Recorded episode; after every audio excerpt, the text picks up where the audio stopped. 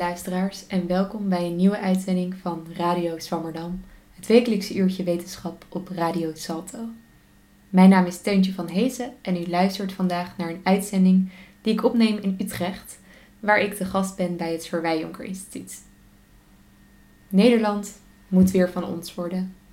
Ons geld voor onze mensen, onze zorg, onze pensioenen, onze cultuur, onze grenzen en onze veiligheid. Dit zijn niet mijn woorden, maar dit is de tekst die op een PVV-pamflet prijkt, omlijst door foto's van witte mensen die elkaar stevig vasthouden. Het pamflet werd getweet door partijleider Geert Wilders in 2016, maar sentimenten in het straatje van Nederland weer van ons zijn ook heden ten dagen niet zeldzaam in het politieke discours. Ik spreek vandaag met Tom Nijs, die deze sentimenten duidt in zijn zeer binnenkort te verdedigen proefschrift getiteld This Place is Ours: Collective Psychological Ownership and its Social Consequences. In het Nederlands: Deze plek is van ons, de sociale gevolgen van collectief psychologisch eigenaarschap. Voor dit proefschrift onderzocht hij of, hoe en waarom het idee dat een grondgebied tot een bepaalde groep behoort verschillende sociale consequenties kan hebben, waaronder negatieve houdingen ten aanzien van immigranten in Nederland. Welkom Tom. Ehm, in jouw proefschrift onderzoek je collectief psychologisch eigenaarschap. Kun je uitleggen wat collectief psychologisch eigenaarschap inhoudt? Zeker, ehm, een hele mond vol. Ehm, maar het is niet zo heel ingewikkeld, denk ik. Het, gaat eigenlijk om het gevoel dat jouw groep ergens eigenaar van is. Ehm, en dan bedoel ik niet een groep als in een vriendengroep of een klas, dat kan, maar het kan ook een meer abstracte groep zijn, zoals bijvoorbeeld een etnische groep. Dus een voorbeeld van collectief psychologisch eigenaarschap is dat een etnische groep het gevoel kan hebben dat het land van ons is. Dit land is van ons, is een vorm van collectief psychologisch eigenaarschap. Het kan ook zijn dat uh, buurtgenoten een gevoel hebben, um, dit is onze buurt, of dit is ons buurtplantsoen, of een vriendengroep een gevoel van dit is onze hangplek. Maar in mijn proefschrift heb ik me voornamelijk gericht op het gevoel um, dat um, jouw etnische groep eigenaar is van het land, dit land is van ons. Ja, ja en Kun je, je hebt natuurlijk geen historisch onderzoek gedaan, maar kun je wel iets, iets zeggen over, over de mate waarin je het idee hebt gekregen dat dit gevoel aanwezig is in Nederland? Um, ik heb inderdaad geen historisch onderzoek gedaan. Um, wel heb ik met representatieve steekproeven, um, bij representatieve steekproeven grootschalig enquêteonderzoek uitgezet. Waarin we dus verschillende statements eigenlijk mensen voor aangaven. Dus we, zeiden van nou in hoeverre bent u het eens met de volgende stelling. En dan bijvoorbeeld ik heb het gevoel dat dit land van ons Nederlanders is. Um, en we zien dat ongeveer twee derde van de Nederlanders zonder migratieachtergrond het hier in ieder geval een beetje mee eens is. Ik heb dat ook in Groot-Brittannië bekeken, daar zie ik vergelijkbare percentages. Dus best een ruime meerderheid die in ieder geval tot op zekere hoogte een gevoel van, uh, van eigenaarschap over het land heeft. Een gevoel van dit land is van ons. of dat de laatste jaren meer is geworden dan de jaren daarvoor, daar kan ik echt niks over zeggen. Ehm, ik denk dat het, uh, dat het wel een gevoel is dat in de politiek steeds, steeds meer uh, aanwezig is, of in ieder geval steeds vaker wordt aangewakkerd. Voornamelijk van het rechtspopulistische hoek. Um, en in Nederland voornamelijk door de PVV met slogans als Nederland weer van ons. Dat hebben ze sinds 2017. Daarvoor hadden ze bijvoorbeeld, eh, was hun verkiezingsprogramma had de titel ons Nederland, hun Brussel. En dan lag de nadruk, leg ik niet de nadruk op ons en hun, maar dat deden ze echt eh, met een streepje op de O en een streepje op de U. Dus heel duidelijk aangeven van dit, dit land is van ons. En ik, ja, het zou kunnen dat de gevoelens daardoor iets zijn aangewakkerd, maar daar kan ik, daar kan ik niks over zeggen. Nee, nee en jouw proefschrift is eigenlijk onderdeel van een groter, groter project, wat, wat onderzoek doet naar eigenaarschap, maar op verschillende uh, plekken. Kun je wel iets zien over, of iets zeggen over um, uh, verschillen tussen de, de onderzoeken op de verschillende plekken die jullie hebben gedaan? Ja, uh, wat het niet heel systematisch onderzocht is, maar daar kan, ik wel iets over zeggen. ik, ik heb me dus op West-Europa gefocust, voornamelijk Nederland en Groot-Brittannië. Uh, een collega van mij, Nora Storts, is bezig geweest met conflictgebieden. Dus um, ehm, Israël, Palestina, Kosovo, dat soort gebieden. En wie hebben nooit gedacht, een andere collega is bezig geweest met klassieke immigratielanden. Dus landen als Nieuw-Zeeland, Australië. Ehm, en wat je ziet is dat in conflictgebieden ehm, mensen een heel, heel sterk gevoel van collectief psychologisch eigenaarschap over het land hebben. Dus uh, Joodse Israëliërs hebben een heel sterk gevoel van eigenaarschap. Ehm, veel sterker dan in West-Europa. wat betreft de klassieke immigratielanden, wat daar een interessante verschil is eigenlijk, is dat ze daar Ehm, dat de meerderheid, ehm, de witte meerderheid in Australië en Nieuw-Zeeland bijvoorbeeld, ehm, een heel ander argument gebruiken voor eigendomsgevoelens, voor voor een eigendomsclaim. In Nederland en in andere West-Europese landen gebruiken mensen vaak het idee van dit land is van ons, want wij waren hier als eerst. autochtonie wordt dat genoemd. En dat is natuurlijk het argument wat witte Australiërs niet kunnen gebruiken. Of waarschijnlijk niet kunnen gebruiken omdat Originals daar als eerst waren, of in Nieuw-Zeeland waar Maori als eerst waren. Dus dan zie je dat ze uh, creatief omspringen met dat soort argumenten en bijvoorbeeld veel sterker ze richten op uh, wij hebben dit land gemaakt tot wat het nu is. Dat soort argumenten gaan gebruiken. Dus daar zie je ook een heel duidelijk verschil tussen die verschillende contexten. Ja, ja precies. En um, nou, meestal luisteren we wat verder in de uitzending naar de column. Um, maar ik denk dat de column uh, ook wel kan bijdragen aan ons, aan ons, begrip, ons begrip van dit, van dit niet heel makkelijk te begrijpen concept altijd. Uh, dus het leek me wel goed om hem nu alvast te gaan luisteren. Um, dus hierbij de column geschreven door Sebbe Pol. Ik zou bijna willen zeggen: Welkom, nieuwe luisteraars van Radio Swammerdam. Wat tof dat jullie zo vroeg zijn opgestaan om af te stemmen op deze frequentie of de moeite hebben genomen deze aflevering aan te klikken. Maar dat zeg ik niet. Want dit is inmiddels alweer de derde column die ik op deze plek schrijf. En daarmee kan ik, vind ik, toch wel zeggen dat dit plekje in deze radio-uitzending van mij is. Dit is mijn plekje op de ether en op het internet. En niet van jou. Dus heet ik jullie absoluut geen welkom. Niemand is welkom op mijn plekje in deze uitzending. Tenzij je er al vanaf mijn eerste column bij bent geweest, natuurlijk. Dankzij onze gezamenlijke geschiedenis voel ik mij aan jullie verwant. Wij kennen elkaar goed omdat jullie al naar mij hebben geluisterd. Bij jullie voel ik me vertrouwd, omdat ik kan zeggen wat ik wil en jullie nooit terugpraten. We zijn het altijd zo heerlijk met elkaar eens. Goed, dan kunnen we beginnen. Misschien vraag je je af hoe ik dan aan mijn plek hier ben gekomen. Waarom ik het recht heb mij deze ruimte toe te eigenen. Dat is een goede vraag. Vragen zoals deze roepen echter vaak verhitte discussie op, omdat ik zo'n discussie graag uit de weg ga, ga ik verder niet in op de vraag hoe ik aan mijn plek ben gekomen. Volgens mij heeft de trouwe luisteraar van Radio Swammerdam daar ook helemaal geen trek in. Maar ja, hoe nu verder? Ik zou wat kunnen vertellen over het aangename klimaat in mijn eigen bubbel. Ja, dat is leuk. Uh, en waarschijnlijk ook nog eens interessant. Ik ga jullie eens precies vertellen hoe het er allemaal aan toe gaat bij mij, op mijn plekje. Jullie zullen vast jaloers worden. Um, nou, vandaag heb ik uh, ontbeten. Griekse yoghurt met Marokkaanse dadels. Gewoon uit onze Albert Heijn. Daarna ben ik gaan hardlopen op mijn nieuwe Nike schoenen, ingevoerd in onze eigen Rotterdamse haven.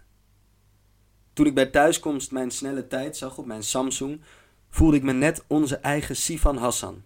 Europa's beste atleten. Nu zit ik op mijn eigen warme kamer te typen nadat een stel Poolse gasten de afgelopen week mijn raamkozijnen heeft gerestaureerd. Heerlijk. Nu begrijpen jullie vast wel waarom ik niemand welkom wil heten op mijn plekje. Het is hier zo fijn. Stel je toch eens voor dat er mensen van buiten komen om dat te verpesten. Nou, dat, dat was de, de column van uh, Sebbe. En ik denk dat misschien vooral het, begin van de column, waar, waarin hij het heeft over zijn plekje in de radio-uitzending, uh, wel raakt aan het onderwerp wat jij hebt onderzocht. Um, kan je dit een voorbeeld noemen van psychologisch eigenaarschap? Ja, zeker. Individueel psychologisch eigenaarschap. Mm. Alhoewel hij op een bepaald moment ook zegt van... Uh, de, de, de luisteraars die er vanaf het begin bij zijn, uh, dan zie je ook een beetje dat wij waren hier eerste argument terugkomen zij misschien ook wel het gevoel hebben van ja, wij hebben, zijn collectief eigenaar van dit stukje, stukje van deze column. Ik denk dat dat een heel mooi voorbeeld is van hoe dat gevoel van eigenaarschap ehm, nou ja, op heel veel verschillende manieren terugkomt. Dat, uh, uh, en dat je ook een gevoel van eigenaarschap kunt hebben zonder ergens soort van juridisch eigenaar van te zijn. Dus je kunt een huis kopen en dan ben je juridisch eigenaar, maar je kunt ook echt een gevoel hebben van eigenaarschap zonder dat je ook maar enige juridische claim hebt.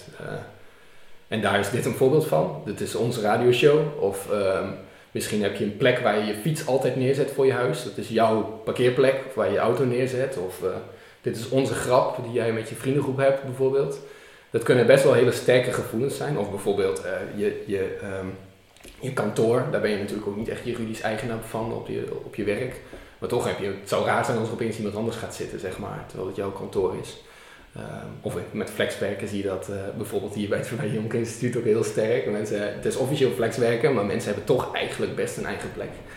Dus oftewel, en dat is waarom het ook psychologisch eigenaarschap heet, het is is een gevoel van eigenaarschap, onafhankelijk van of je juridisch eigenaar bent. En dat, uh, dat geeft deze column denk ik wel heel goed weer, dat je dat, uh, ja, dat, dat een sterk gevoel is. Hm. Ja, en, en dit fenomeen, dus dat, dat psychologisch eigenaarschap, onderzoek jij in relatie tot um, eigenlijk verschillende sociale consequenties, maar dus ook uh, in relatie tot negatieve houdingen ten aanzien van immigranten. Um, ik had best wel veel moeite om, om ja, om tot die term te komen. Ik, ik had eerst anti-immigrant sentimenten in mijn hoofd. Um, maar zeg ik het zo goed en, en wat bedoel jij eigenlijk met dat begrip? Ja, ik denk dat dit een goede manier is om het te zeggen. Ik, ik zeg vaak negatievere houdingen ten aanzien van immigratie, uh, ook om die vergelijking aan te gaan, omdat ik vergelijkend onderzoek doe. Dus ik vergelijk mensen met andere mensen. Uh, dus als mensen um, nou, misschien is het goed om te benoemen hoe ik het specifiek meet. Uh, dus in, in vragenlijsten vragen we eigenlijk, uh, um, stellen we uh, een, een gevoelsthermometer voor aan de mensen. Um, wat eigenlijk inhoudt van, nou, op een schaal van 0 graden, wat betekent heel koud en negatief, tot 100 graden, wat betekent heel warm en positief. Wat is jouw gevoel bij de volgende groep? En dan krijg je vaak, vaak een, lijstje met verschillende groepen. En dan zie je dat mensen best heel goed kunnen aangeven wat hun gevoel daarbij is. Een beetje een soort onderbuikgevoel. Um, en dan vergelijken we dus eigenlijk hun antwoorden met de antwoorden van andere mensen. Um, dus ik maak geen oordeel wanneer uh, zo'n score een anti-immigrantenhouding is of een negatieve houding ten aanzien van immigranten. Maar ik heb het vaak over negatievere houdingen ten aanzien van immigranten dan de gemiddelde uh, persoon in die steekproef. Uh, dus vandaar dat ik, het, ja, dat ik denk dat dat een goede term is. Negatievere houdingen ten aanzien van immigratie of immigranten. Ja, dus dat is eigenlijk met het doel om uh, als onderzoeker daar neutraal in te blijven? Ja, precies. Om het niet, uh, om, om, om, ik, ik, ik, ik maak zelf niet het oordeel wanneer iets een negatieve houding is of wanneer iets een, een racistische of vooroordelende houding is, zeg maar. Dat, mm ja, dat, uh, dat laat ik hem lezen over. Dat is een beetje het idee. Ja, ja. en uh, je noemde dat je, dat je dat dan meet met een soort voorbeeld van een thermometer. Ja. Um, wat is het idee daar, daarachter om niet gewoon een, een soort kleine schaal te doen, maar echt zo'n grote thermometer? Um, ja, nou de schaal is in principe van 1 tot tot 11, zeg maar, van 0 tot 100. Mm. En dan kun je alleen 10, 20, 30, 40 oh, aangeven. Dus het is niet een enorme schaal. Maar het is wel ja, het is een schaal die heel veel gebruikt wordt, voornamelijk omdat het best een directe meting is van een gevoel, van een houding. Dus er zijn ook wel andere manieren waarop je het kunt meten. Bijvoorbeeld uh, sociale afstand. Dus dat je bijvoorbeeld mensen vraagt van, wat zou je ervan vinden als iemand met een Marokkaanse achtergrond je buurman zou worden, of, um, de, uh, of je, je, je zoon of dochter thuis zou komen met iemand met een Marokkaanse achtergrond, dat soort vragen.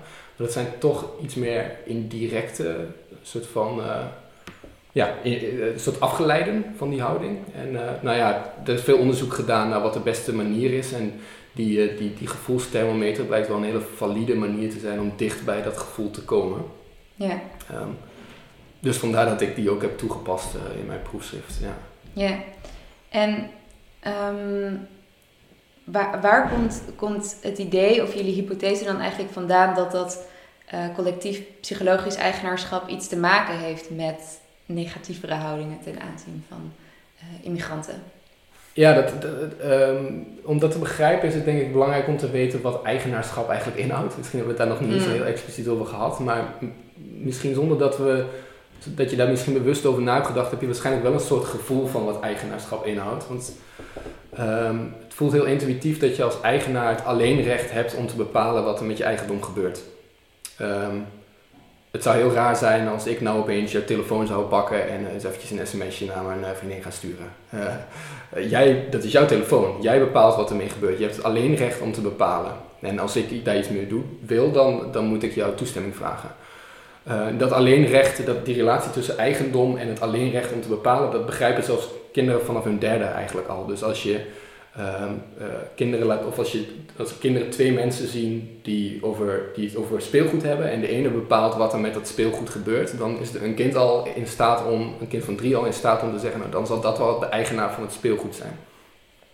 Ehm, en dat gevoel van dat die combinatie tussen eigenaarschap en het alleenrecht om te bepalen, dat is wat heel veel mensen ook op het landenniveau uh, aanhouden. Dus mensen die een sterk gevoel hebben van dit land is van ons, hebben ook heel sterk het gevoel van en daarom hebben wij alleen recht om te bepalen wat hier gebeurt en wie er gebruik van maakt. Ehm, en dat zien mensen dus vaak als een reden om dus ook negatiever te zijn ten aanzien van immigratie. Ten aanzien van immigranten. Het is, land is nou eenmaal van ons, uh, dus wij hebben het hier voor het zeggen en niet immigranten. Um, die hier per definitie later waren en dus niet de, de rechtmatige eigenaren zijn van dit land. Um, en we zien dat nog sterker op het moment dat, dat er situaties ontstaan waarin mensen bang zijn om controle te verliezen over wat van ons is. Dus als ze een, ja, een dreiging ervaren over hun eigenaarschap, over hun eigendom, dan zijn ze nog veel sterker eh, geneigd om dat gevoel van eigen, eigendom uh, om te zetten in een, uh, in een in sociale uitsluiting, zeg maar. Kan je, een voorbeeld noemen van zo'n dreiging? Um, nou, wat we bijvoorbeeld hebben gedaan is um, een, een, experiment eigenlijk, waarin we um, mensen verschillende verhaaltjes voorlegden over de potentiële Turkse toetreding uh, tot de Europese Unie. Uh, in één verhaaltje benoemden we eigenlijk nou ja, op een hele neutrale manier dat dat eventueel aan zit te komen, dat daar al jaren over gesproken wordt. En op een andere, in een ander verhaaltje vertelden we dat dat wel eens een dreiging kan zijn voor nou, dat we de controle verliezen over wie er hier eigenlijk welkom is. Dat dan daardoor Turkse migranten ehm, ehm, vrij naar Nederland kunnen komen. Dus dat we de controle verliezen over ons eigen land. Ehm, en dan zien we dus, dus dan gaan we ervan uit dat we met dat verhaaltje een gevoel van eigenaarsdreiging hebben uh, getriggerd.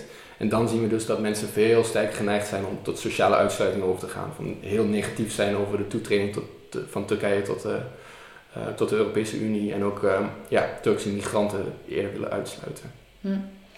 Ja, en um, in welke mate moeten we dat, dat collectief psychologisch eigenaarschap dan zien als iets dat echt leidt tot negatievere uh, houdingen ten aanzien van immigranten? Of is het, is het meer een soort legitimering die mensen voor zichzelf maken?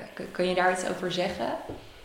Um, dat, is een, dat is een heel goed punt. Dat is een hele goede vraag. Um, en ik denk de meest wetenschappelijk verantwoorde, het meest, meest wetenschappelijk verantwoorde antwoord is uh, waarschijnlijk allebei. Um, ik denk dat het aan de ene kant echt een verklaring kan zijn voor negatieve houdingen ten aanzien van immigratie of immigranten. Aan de andere kant denk ik dat het ook zeker als een legitimering kan werken. dus ik denk ook zeker dat mensen om wat voor reden dan ook negatievere houdingen hebben ten aanzien van immigranten en dat proberen te rechtvaardigen met, ja, dit land is van ons, dus uh, wij het hiervoor te zeggen en niet immigranten. Um, je ziet ook dat bijvoorbeeld rechtspopulisten, die, dat, dat het niet gek is, laat ik het zo zeggen, dat rechtspopulisten um, eigendomsretoriek ook vaak gebruiken om hun uh, anti-immigratiestandpunt kracht bij te zetten door iedere keer te zeggen: dit land is van ons en niet van immigranten en daarom mogen we ze uitsluiten, um, geef je um, stemmers misschien het gevoel van: als ik op de PVV stem, dan ben ik niet racistisch of discriminerend bezig, maar het uitsluiten van immigranten is gewoon een heel intuïtief, intuïtieve uitkomst van het idee dat we eigenaar zijn van dit land als eigenaar van je huis mag je ook bepalen wie je welkom is. Dus waarom zouden we als eigenaar van ons land niet ook mogen bepalen wie je welkom is in Nederland? Dat, die vergelijking tussen het huis en het land is wat uh, rechtspopulisten eigenlijk over de hele wereld heel expliciet noemen. Dus ze hebben het echt vaak over um, ehm, we zouden de sleutel van ons eigen huis weer terug moeten nemen van de Europese Unie. Ehm, of ehm, ook eh, in de context van de, van de muur, de Mexicaanse muur van Trump, was het ook heel erg van als ik s'nachts mijn deur in mijn huis mag sluiten voor, eh, voor indringers, dan mag ik ook ons land afsluiten eh, voor indringers. Dus die vergelijking wordt heel, heel, heel duidelijk gemaakt door rechtspopulisten. Ehm, om terug te komen op je vraag, uh, ik denk dus dat het beide kanten op kan werken. Het kan zowel een effect zijn als een rechtvaardiging. Maar met dat, met dat soort experimenten waar ik, het net over, waar ik net over vertelde, hebben we dus soms geprobeerd om echt een gevoel van eigendom uh, te triggeren. Dus uh, een willekeurige groep, één willekeurige groep kreeg het ene verhaaltje, een andere willekeurige groep kreeg een ander verhaaltje. Dus die twee groepen die zijn eigenlijk identiek aan elkaar. Het enige wat van, waarop ze verschillen is dat, ze, dat er een bepaald gevoel van eigenaarschap is getriggerd. En dan vergelijken we die twee groepen en dan zien we dus dat, uh, dat de groepen die het verhaaltje hebben gehad waar dat eigenaarschap is getriggerd, een sterk, sterker geneigd zijn om tot sociale uitsluiting over te gaan. Waardoor we dus een, ja, een bewijs hebben van kausaal effect, zoals je dat noemt, van, um, van eigenaarschap, eigenaarsgevoelens op um, de sociale uitsluiting van, van bijvoorbeeld immigranten. Ja. Ja, dus dat, was, dat is dan eigenlijk iets wat je, wat je met dat statistische onderzoek eerder uh, niet per se kon vaststellen, die causaliteit. Maar daar, daar hebben die experimenten dus vooral aan bijgedragen. Ja, dat, uh, de experimenten zou ik ook statistisch onderzoek noemen, mm. maar meer het correlationele onderzoek noemen we dat dan. Dus uh, het onderzoek waarin we um, alleen samenhang kunnen testen. Mm. Dus daarin kunnen we alleen zeggen, oké, okay, we zien dat de mensen die een sterk gevoel van eigenaarschap hebben ook negatiever zijn over immigranten. Um, dan weten we dat er een samenhang is. Uh, maar dat zegt nog niet zoveel over causaliteit. Dat kun je aannemen, maar dat, dat kun je niet met zekerheid zeggen. En daarvoor heb je inderdaad dat soort experimenten nodig om die causaliteit aan te tonen. Dus dat is de reden dat we ja, op, dat soort, tot dat soort, uh, op dat soort experimenten over zijn gegaan. Ja, ja en wat, wat ik wel leuk vond aan, um, aan de methodologie van je onderzoek en wat, uh, wat ook naar voren komt in die experimenten, is dat je eigenlijk dat eigenschap um, op verschillende niveaus met elkaar combineert. Um, dus je, je keek naar uh, het inperken van een hangplaats, maar uh, je hebt het inderdaad ook gehad over de toetreding van Turkije tot de EU. Um, ehm, wat, wat is het idee daarachter om, om die verschillende niveaus te meten en uh, meet je dan echt hetzelfde concept, omdat het zulke verschillende dingen lijken? Ja, ja nee, nee, inderdaad. We hebben dus niet alleen, ik heb niet alleen gekeken naar uh, het gevoel van eigenaarschap over het land, maar ook uh, in hoeverre mensen het gevoel hebben dat een buurt van, van de buurtgenoten is, van de buurtbewoners, een buurtplantsoen. Uh, en op een nog lager niveau eigenlijk, um, of lokaler niveau, dat een vriendengroep het gevoel heeft dat ze collectief eigenaar zijn van een hangplek. Dus dit is onze hangplek. Um, en het idee daarachter is eigenlijk dat ik specifiek benieuwd was naar echt de sociale consequenties van dat, echt van dat psychologische gevoel. En ik denk dat dat gevoel op heel veel in heel veel verschillende contexten aanwezig is. Dus ik was niet per se bezig met of geïnteresseerd in het verklaren van houdingen ten aanzien van immigranten. Uh, maar meer eigenlijk wat zijn echte gevolgen van dat hele intuïtieve psychologische gevoel van eigenaarschap over een bepaald grondgebied. Dat is wel waar ik me specifiek op heb gericht. En ik denk dat, dat het handig, dat het goed is om om die mechanismen op verschillende niveaus te, te onderzoeken. Om echt een beetje een soort replicatie van datzelfde mechanisme uh, te kunnen bewerkstelligen. Van oké, we zien het zowel op dit niveau als op dit niveau als op dit niveau. Um, en dan kun je toch wel met wat meer zekerheid zeggen dat dat, een, nou, dat het een mechanisme is wat in de hoofden van mensen zo werkt. Dat kun je beter zeggen dan als je het maar op één niveau hebt getest, denk ik. Ja, ja en uh, was het ook zo dat het, dat het op die verschillende manieren zo werkt. Want ik denk dat een hangplek is een heel soort van concreet iets waar je best wel misschien snel eigenschap uh, of gevoelens van eigenschap over kan voelen. Terwijl um, de, de EU uh, ja. is misschien iets wat wat verder van je afstaat, is wat, waarbij wat, dat wat langzamer werkt of wat anders in elkaar zit. Ja. Kan je daar iets over zeggen? Of je daar verschillen in ziet? Of... Um ik, ik kan niet zeggen of het op, in bepaalde contexten sterker is mm. dan in andere contexten. Daar heb ik het niet systematisch genoeg voor onderzocht. Nee. Um, over het algemeen kan ik wel zeggen dat, het, dat een sterk gevoel van eigenaarschap over wat voor grondgebied dan ook vaak leidt tot uh, sociale uitsluiting van andere groepen. door dat uh, alleen recht om te bepalen waar ik het over had. Ja. Dus we zien bijvoorbeeld dat mensen die het gevoel hebben, dit land is van ons, zijn negatiever over de komst van immigranten. Mensen die een gevoel hebben, deze buurt is van ons buurtgenoten, zijn bijvoorbeeld um, negatiever over de komst van nieuwkomers die niet in de wijk wonen. Dus bijvoorbeeld als we ze vragen van, nou ja, um, wat zou je ervan vinden als, als, als er een huis vrijkomt in de buurt, dat dat eerst wordt aangeboden aan mensen in de buurt. Dan zijn mensen die een gevoel van eigendom hebben over de buurt veel sterker geneigd om te zeggen, ja, dat is een goed idee. Um, en ook in, op het buurtplantsoen zien we, dat, zien we dat ook. Dus als we zeggen van, um, als mensen een sterk gevoel hebben van eigenaarschap over een, over een buurtplantsoen, dan zijn ze sterker geneigd om mensen die niet in de buurt uh, wonen te mijden of te weren van, uh, van het buurtplantsoen. Dus echt, zijn eerder geneigd om een hekje te gaan plaatsen of om het heel goed in de gaten te houden dat er niet andere mensen gaan zitten. Uh, dus daar zie je wel op, ja, met verschillende um, uitkomsten soort van, of dus verschillende manieren waarop dat ten, ten, tot uiting komt, is het wel allemaal, um, leidt het wel allemaal tot, tot sociale uitsluiting van groepen die worden gezien als de niet rechtmatige eigenaren. Ja, ja en um, je noemde net al even de, de slogans van onder andere um, de PVV. In welke mate zou je dit gevoel een kenmerk van, van uh, radicaal rechts uh, partijen kunnen noemen? Um, ik zou het niet als een kenmerk van, van rechtspopulistische partijen uh, benoemen. Ik denk wel dat, het een, dat die eigendomsretoriek die bijvoorbeeld Geert Wilders heel sterk aanhoudt, dat dat heel goed past bij het verhaal van, uh, van rechtspopulistische partijen. Dat het het verhaal van uh, anti-immigratie en anti-Europese eenwording voornamelijk heel veel kracht bij kan zetten. Dus dat het heel verklaarbaar is dat ze dat doen. Um, maar als we kijken naar de data, dan zien we eigenlijk dat, um, dat best wel heel veel mensen een gevoel van eigenaarschap over het land hebben. Dus wat ik zei, dus ongeveer twee derde van de mensen is het er in ieder geval een beetje mee eens. En dat, we zien wel dat rechtse mensen dat gevoel wat sterker hebben dan linkse mensen. Uh, maar linkse mensen kunnen dat gevoel wel degelijk hebben.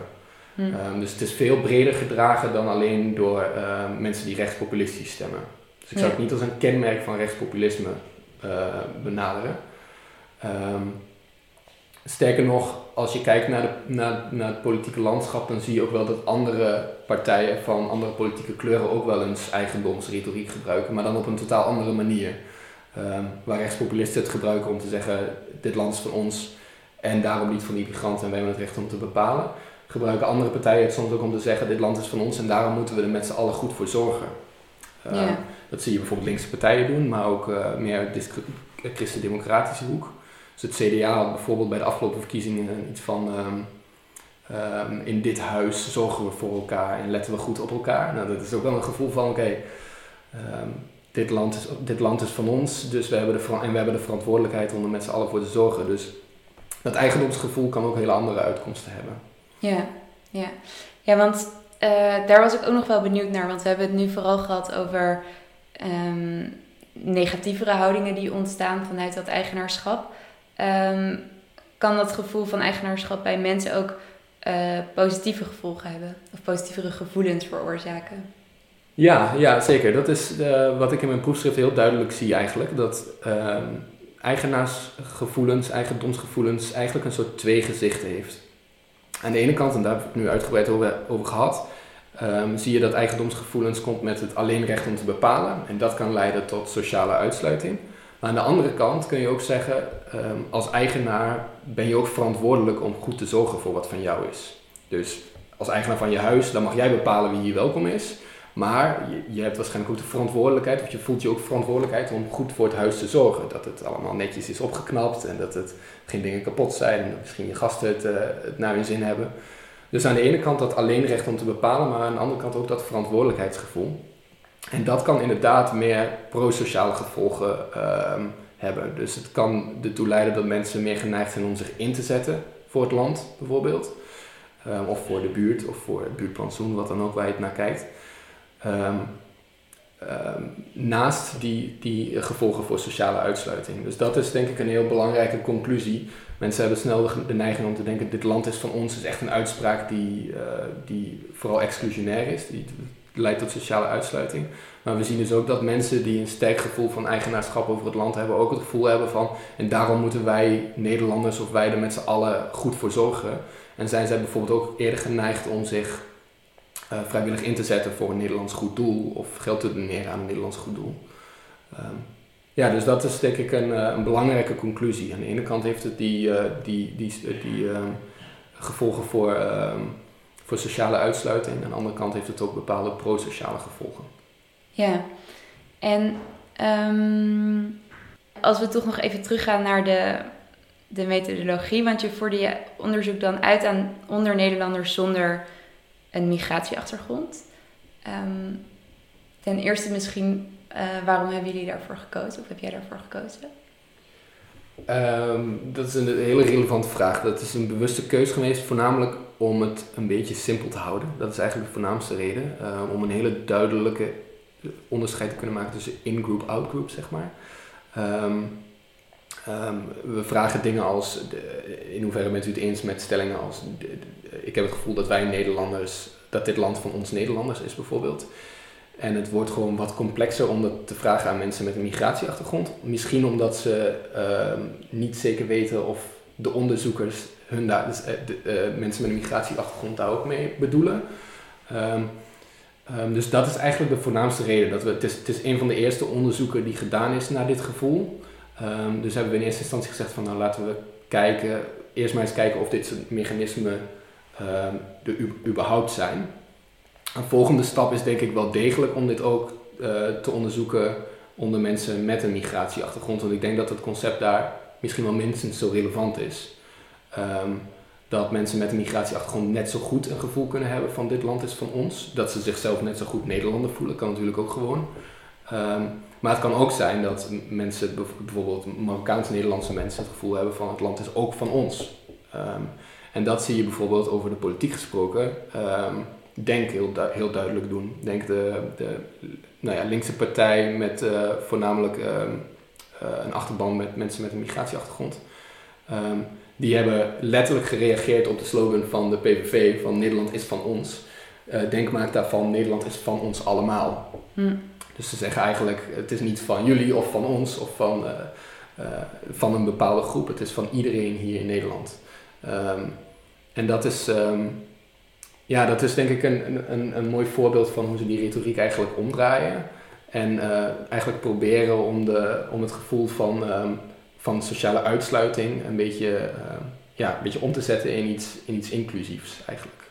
Ja, ja en um, uh, je noemde net al wat, wat links naar de politiek, maar uh, ja, wat, uit de conclusie van jouw onderzoek, wat, wat voor een soort van praktische gevolgen kunnen we daaruit trekken? Of wat voor lessen kunnen we daaruit trekken misschien?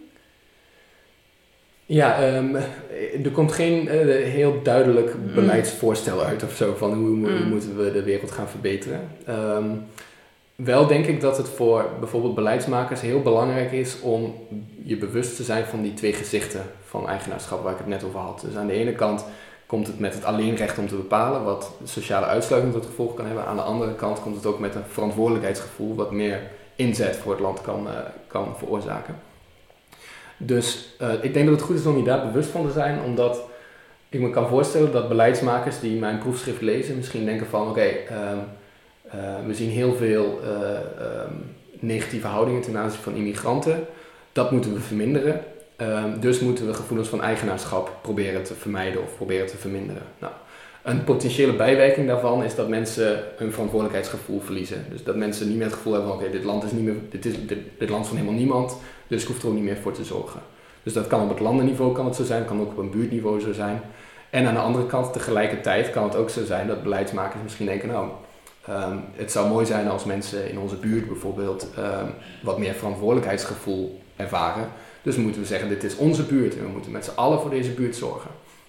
En dan zou de bijwerking potentieel kunnen zijn dat je, ja, dat, dat uh, ten koste gaat van goede relaties tussen verschillende groepen. Want het kan ertoe toe, toe leiden dat mensen het gevoel hebben van oké, okay, ja, dit is onze buurt. En dus niet van die mensen die in die andere buurt wonen. Hm. Wat kan leiden tot, tot conflict. Uh, uh, dus daar, het is goed om je daar bewust van te zijn, denk ik. Van wees voorzichtig met hoe je dat precies aanpakt.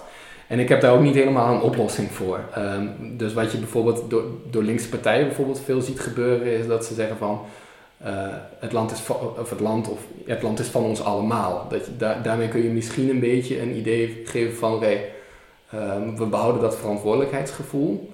Um, zonder dat dat negatieve gevolgen heeft voor, voor de relaties tussen groepen, voor hoe groepen met elkaar omgaan. Want het is heel, op een hele inclusieve manier. Dat zou een manier kunnen zijn het potentiële gevaar daarin is, is dat mensen misschien, want hoe meer mensen eigenaar zijn van een land, uh, uh, hoe minder um, mensen zich ook echt verantwoordelijk gaan voelen. Je kunt, dan, het kan een beetje leiden tot een soort vervaging van verantwoordelijkheid, diffusion of responsibility wordt dat in de literatuur genoemd. Als iedereen uh, verantwoordelijk is, dan doet niemand meer eigenlijk zijn best om, om die verantwoordelijkheid ook te pakken. Dus dat is een potentieel gevaar, denk ik, aan, aan zo'n strategie. Hmm. Ehm, misschien dat niemand dan meer de verantwoordelijkheid pakt als iedereen eigenaar is. Zeg maar, een beetje op die manier.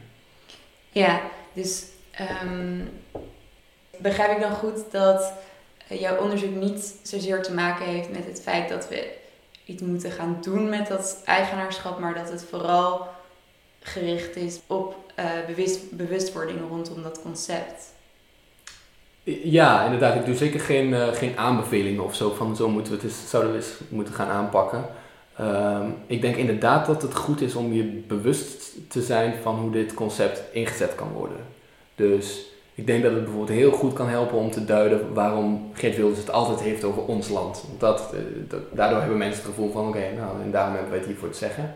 Of dat je bijvoorbeeld een bordje aan het begin van een park ziet met welkom in ons park. Of zorg ervoor dat ons park goed schoon blijft. Zodat mensen een gevoel van verantwoordelijkheid misschien uh, ervaren over dat park.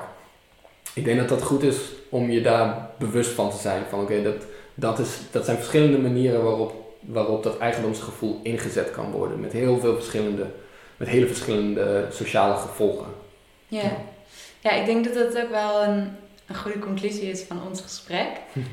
um, dat ik in ieder geval het concept veel beter begrijp. En ook beter begrijp hoe het zowel negatief als, als meer pro-sociale gevolgen kan hebben.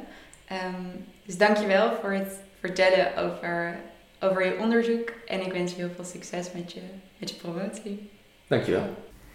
Luisteraars, dit was Radio Zwammerdam, gepresenteerd door Teuntje van Heesen. Reageren op deze uitzending kan op Facebook, Instagram of Twitter. Volg ons daar vooral, dat vinden wij altijd leuk. Mailen kan ook naar redactie.radiozwammerdam.nl. En volgende week zondag is Radio Zwammerdam weer te beluisteren tussen 11 en 12 op Radio Salto. Anke Spekman maakt dan een uitzending over virtual reality. Als u de uitzending van vandaag of oudere uitzendingen wilt terugluisteren, dan kan dat via alle podcastkanalen zoals Spotify, SoundCloud of neem een kijkje op onze website radiozwammerdam.nl. Deze uitzending komt later vandaag ook daar online. Bovenal bedankt voor het luisteren en hopelijk tot volgende week, maar voor nu vooral een hele fijne zondag.